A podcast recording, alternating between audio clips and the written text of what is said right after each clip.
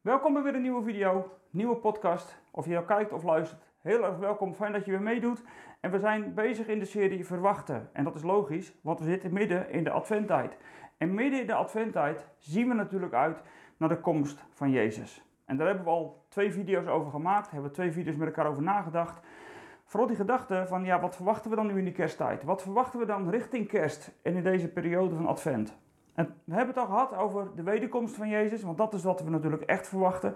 We verwachten Jezus echt niet opnieuw in een voerbak. Natuurlijk niet, hij wordt niet opnieuw geboren in een voerbak. Dat is absoluut al gebeurd en dat zullen we straks met kerst gedenken. Maar nu kijken we uit naar zijn komst. Het moment dat hij achter de wolken vandaan komt en hier alle dingen nieuw komt maken. Daar hebben we het ook over gehad. En waar we het vorige keer over hebben gehad, in het laatste stukje van die video, was nog even dat je nu al mag zijn die je straks bent. En daar ligt nog een vraag achter waar we het echt nog even over moeten hebben. Omdat ik besef dat ik het misschien wel heel makkelijk kan zeggen. Je mag nu al zijn die je straks bent. Maar gaat dat dan wel zo makkelijk? Zit er niet gewoon heel veel in je hoofd en misschien ook wel gewoon aan duisternis om je heen. Wat jou iedere keer vertelt van ja, dat kun je mooi zeggen. Maar doen is twee. En kijk nou eens naar wie ik ben. Ben ik dan wel zo iemand die echt die hemelburger kan zijn waar Paulus het over heeft? Nou, Paulus, Paulus legt dat eigenlijk in één zinnetje heel simpel uit. Dus in die zin, het hoeft niet heel lastig te zijn. Alleen er zit natuurlijk bij Paulus ook gewoon een verhaal omheen. En je mag nu een lichtstraal zijn van de toekomende tijd en daarmee iets van de hemel op aarde laten zien als hemelburger. Dat mag je doen. Alleen die jamaars, die wil ik vandaag bij jou en ook gewoon weer bij mezelf, want ik merk ik ze zelf soms ook heb.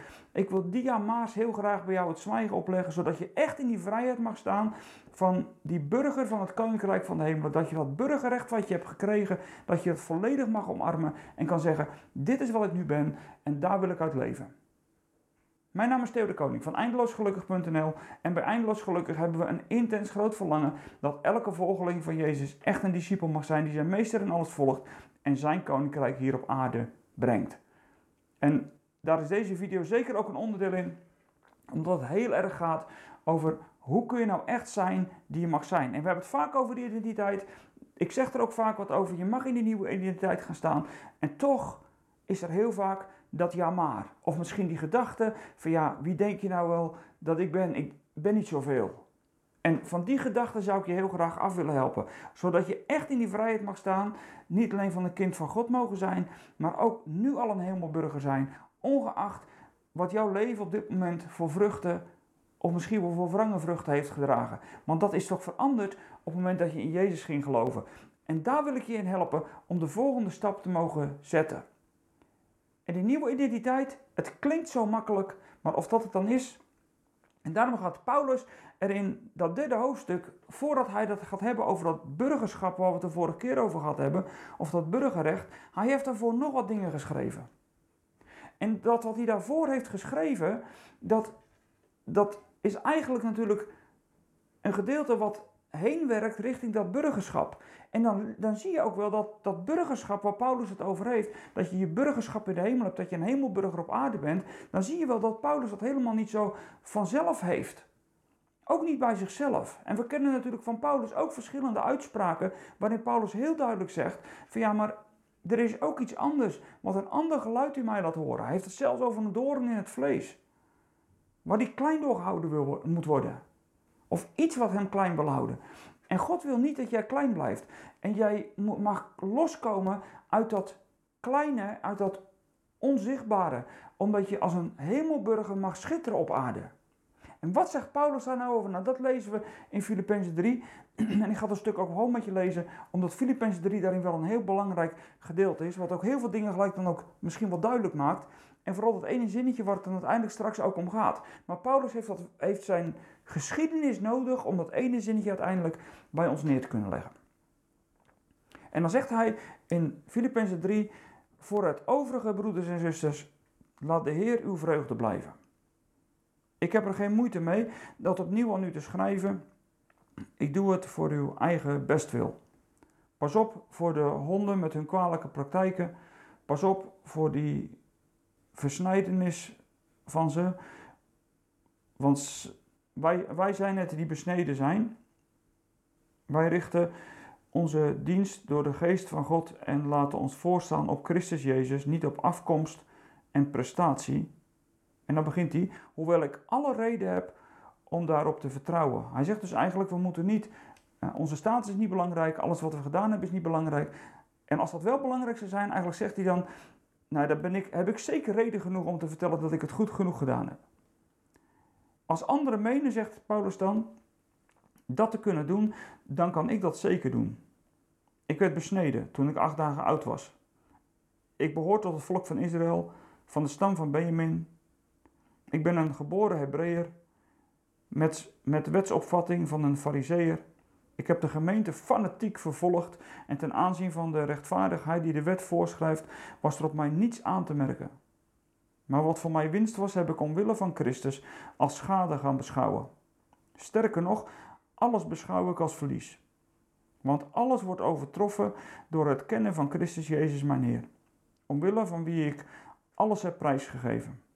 In mijn ogen is het waardeloze troep, want ik wil Christus winnen en één met Hem zijn. Niet dankzij mijn eigen rechtvaardigheid, door het naleven van de wet, maar dankzij de rechtvaardigheid die er is door het geloof in Christus en die God toerekent op grond van geloof.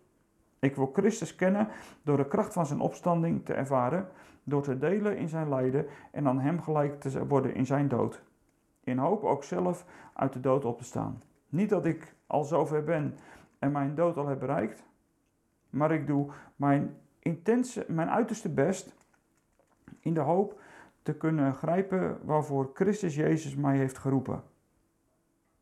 Mij heeft gegrepen. Broeders en zusters, ik beeld me niet in dat ik het al heb bereikt. Maar één ding weet ik zeker: ik vergeet wat achter me ligt en richt me op wat voor me ligt. Ik ga recht op mijn doel af, de hemelse prijs waartoe God in Christus Jezus roept. Hierop moeten wij ons alle als volmaakte mensen richten. Mocht u er op enig punt anders over denken, dan zal God dat u wel duidelijk maken. In ieder geval laten we op de ingeslagen weg voortgaan. En dan komt dat stukje over dat burgerschap. Wat zegt Paulus nou eigenlijk? Paulus zegt eigenlijk, als het over dat burgerschap gaat, als het nou was om wat ik gedaan heb, ja, dan was ik gewoon perfect. Ik was gewoon volmaakt. Ik was rechtvaardig en rechtvaardig. Ik heb de wet helemaal gehouden. Er was niks op mij aan te merken. Ik ben besneden op de achtste dag. Ik was een Israëliet uit de stam van Benjamin, een echte Jood zou je kunnen zeggen. Ik ben een Hebreeër uit de Hebreeën. Ik ben, ik ben een, een, een perfecte fariseer geweest. Rechtvaardig, naar de wet van de fariseer. Niks misgedaan. Dus al die fariseerwetten die er waren, zo ongelooflijk veel, zo zwaar, hij heeft het allemaal gehouden. En hij was zelfs zo ijverig dat hij de gemeente van Christus vervolgd heeft, omdat hij dat als een dwaling zag. Zo zuiver was hij bezig om die wet te houden. Dan zeg je, Matteo, wat heeft dat nou te maken met, met dat hemelburgerschap? Nou, het heeft ermee te maken dat Paulus eigenlijk zegt dat hemelburgerschap, als dat op grond is van wat ik gedaan heb, dan heb ik het, heb ik het ogenschijnlijk voor die fariseer wel goed gedaan. Maar er is nog wat anders. En daar heeft Paulus het natuurlijk wel vaker over, want hij zegt het wel vaak. Hij zegt namelijk regelmatig dat hij in die ijver, wat hij op andere momenten ook gewoon dwaasheid vindt, in die ijver heeft hij de gemeente van Christus vervolgd. Dus toen hij nog niet in Jezus geloofde en hij nog dacht dat de wet hem rechtvaardig en zalig zou maken, en nog niet wist wat genade was en Jezus nog niet kende, heeft hij er alles aan gedaan om die in zijn ogen valse leer van Jezus, om die uiteindelijk aan de kant te schuiven en de gemeente die eromheen hing, om die uiteindelijk uit te roeien. Dat was zijn doel. Moet je even beseffen dat dat het doel van Paulus is geweest. En moet je ook bedenken, als Paulus dat dus bedenkt in zijn hoofd, dan, dan zijn er regelmatig die momenten dat hij denkt van ik heb die gemeente van Christus vervolgd. Dat is ook een van de redenen waarom dat ik echt geloof dat die doorn in zijn vlees, Satan die je met vuisten slaat, zegt hij dan. Ik geloof dat dat niet is een een of andere ziekte of een een of ander gebrek. Maar ik denk dat Satan me heel vaak aan zijn verleden herinnert. En dan ben je precies op dat punt waar je nu uit moet komen om te beseffen, als jij nou een hemelburger bent, hoe kun je nou in die identiteit staan? Hoe kun je dat nou gewoon, ondanks wat je hebt meegemaakt in je leven en ook wat je hebt gedaan? Ik zou zo aan jou kunnen vragen, wat zijn de dingen in jouw leven waar jij je nou voor schaamt? Waar je zegt van, nou, als ik daar aan terugdenk, ik schaam me te pletter, man. Zou, zou ik dan nog durven zeggen dat ik nu een hemelburger ben? Oh ja, met je verstand. En als je allemaal beredeneert, kun je het misschien allemaal vanuit de Bijbel wel zeggen. Maar in je gevoel, in je ervaring. En ook in alle aanklachten die je soms hoort. En precies dat, dat heeft Paulus ook gehad. En daarom zegt Paulus: hoe doe ik dat nou? Hoe kan ik nou uiteindelijk bij die hemelburger uitkomen die ik mag zijn? Dus wie ik straks mag zijn, dat ben ik ook nu al. Hoe dan? Nou zegt Paulus, ik vergeet hetgeen dat achter mij ligt en ik strek me uit naar hetgene wat voor me ligt. En dat zijn twee actieve woorden. Hij zegt in de eerste plaats, ik vergeet wat achter me ligt. Hij zegt niet dat het er niet geweest is. Daar heeft hij het niet over. Hij zegt niet dat het niet geweest is. Hij heeft het maar over één ding. Hij vergeet wat achter hem is. Met andere woorden, dat wat achter me ligt, daar besteedt hij geen aandacht meer aan. Dus zodra dat de vijand, dat de duivel naar je toe komt en jou aanklaagt op zonde uit jouw verleden, die vergeven zijn door het bloed van Jezus, dan zegt Paulus, dat vergeet ik. Daar schenk ik geen aandacht meer aan. Dus zodra Satan tegen mij zegt, joh, Paulus, je hebt de gemeente van Christus volgt, wie denk je dat je bent? Dan negeert Paulus dat. Datgene wat achter hem is, datgene wat ogenschijnlijk goed was en wat hard werken was en uiteindelijk de genade van Jezus aan de kant zetten is en uitliep op de vervolging van de gemeente van Christus, die complete aanklacht, die complete verschrikkelijke zonde, Paulus zegt, daar ben ik niet meer mee bezig. Dat laat ik achter mij. Dat is geweest en het is voorbij. Want door het bloed van Jezus ben je gereinigd van elke zonde uit je verleden. En daarom mag jouw verleden nooit jouw toekomst blijven bepalen. Want als jouw verleden jouw toekomst bepaalt, dan blijf je zitten waar je zit. Dan blijf je zo klein en is het niks meer dan dat. En dan blijft het verleden uiteindelijk bepalen elke stap die jij in de toekomst zet tot de dag dat jij je hoofd neerlegt of de dag dat Jezus terugkomt. En dat is nou precies niet de bedoeling. Dat is wat Paulus nou precies bedoelt te zeggen. Het is niet de bedoeling dat het verleden bepaalt of jij nu een stap durft te zetten of niet. Jij bent nu geroepen door het geloof in Jezus Christus om nu een hemelbrugger te zijn. Om je uit te strekken naar het doel dat voor je ligt. Straks door de dood heen op te staan met Christus en nu al te leven als een hemelburger. En Paulus gebruikt de introductie van het hele derde hoofdstuk om duidelijk te maken dat alles wat zo goed leek, wat het natuurlijk helemaal niet was, om dat nu los te laten en zeggen dat is achter mij en dat vergeet ik. En ik strek mij nu uit wat voor me ligt. Het wit van de overwinning die ik in Christus gekregen heb. Ik heb het niet gepakt, ik heb de overwinning gekregen door het werk van Jezus. Het is enkel zijn genade. En als ik geloof dat genade enkel zijn genade is, dan mag het verleden ook geen rol meer blijven spelen. Want daarmee leg je eigenlijk een sluier over die genade van Jezus. Jezus vraagt van je om in, in zijn vergeving te gaan staan. Daarin te leven en te blijven leven. Niet een stap terug te blijven zetten en te bedenken: ik heb het fout gedaan. Maar door vooruit te kijken en te blijven denken: maar de genade van Jezus, daardoor ben ik gereinigd door zijn bloed. En sta ik straks met hem op in een, in een nieuw leven als hij alle dingen nieuw komt maken. En mag ik nu al een hemelburger zijn en lichtstralen van die toekomende tijd laten zien. En dat moet bij ons doordringen.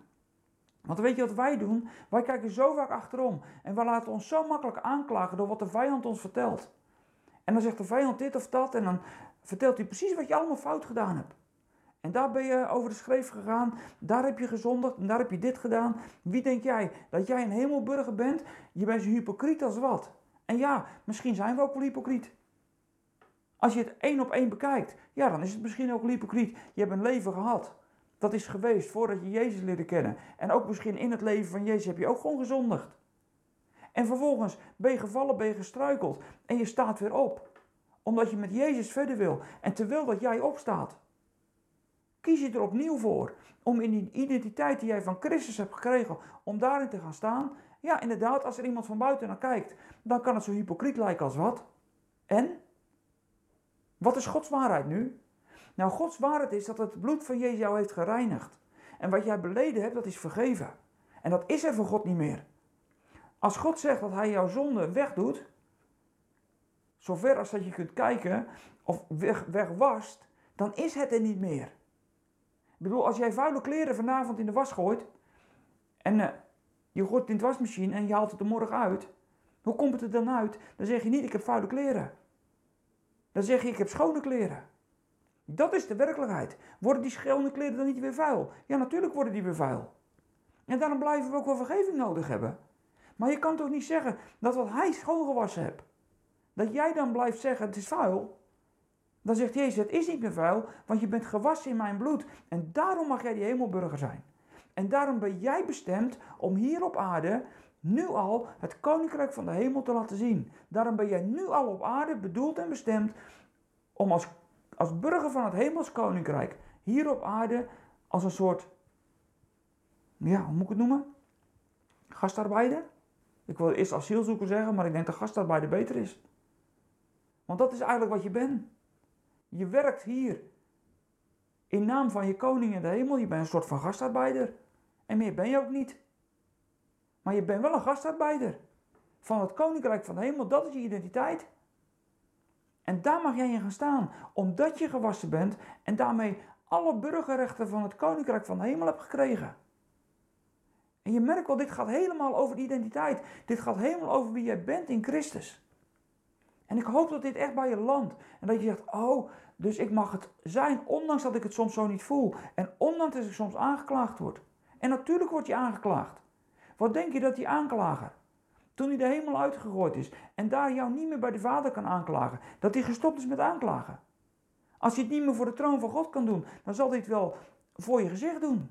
Maar laat hem jou dan maar aanklagen en doe dan wat Paulus zegt. En dan zegt Paulus, ik vergeet wat achter mij is.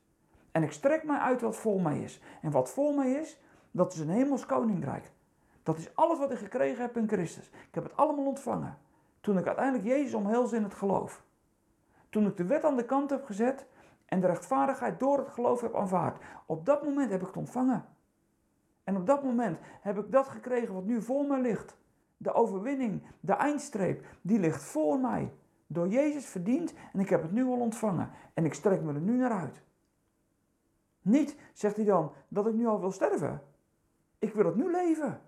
Daarom benoemt hij, benadrukt hij dat ook nog. Ik wil nu niet sterven. Het is niet dat ik al bijna dood ga, zegt hij dan. Nee, maar hij wil het nu al leven. Hij strekt zich uit naar straks.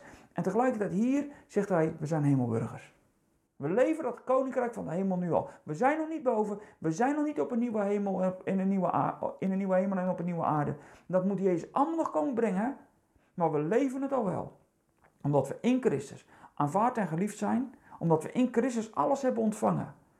En dat datgene wat achter ons is weggewassen, is weggedaan. En voor God is het niet meer. En God vraagt van jou om in die identiteit te gaan staan. Elke dag van je leven. Nou, ik hoop dat deze boodschap bij je mag binnenkomen. Dat je erover na kan denken van ja, dit is meer dan dat ik vaak besef. En ook ik heb mijn aanklachten. Ook bij mij komt Satan soms echt wel eens langs. En doet hij net zo vervelend als bij jou. Alleen we zeggen nu tegen elkaar, dat laat ik achter me. Hij praat maar. Dan kletst hij maar, hij doet maar wat. Maar ik luister niet meer. Ik heb gekozen om uiteindelijk me uit te strekken naar, het, naar de overwinning die voor me ligt. Die ik in Christus Jezus nu al heb ontvangen. En ik leef nu al als hemelburger. Dat wens ik je toe. Ik hoop dat deze boodschap je bemoedigt, dat deze video, dat je daarmee verder kunt. En dat je zegt van ja, hier ga ik me verder delen. Ik ga het iedereen vertellen dat het zo in elkaar zit. Want dat is wat Paulus mij vandaag leert. Nou, dankjewel voor het kijken van nu. Ik zou zeggen, geef even een blauw duimpje als je op YouTube hebt gekeken. Als je nog niet geabonneerd hebt, doe dat dan ook nog even. en verder zou ik zeggen, heb een goede week.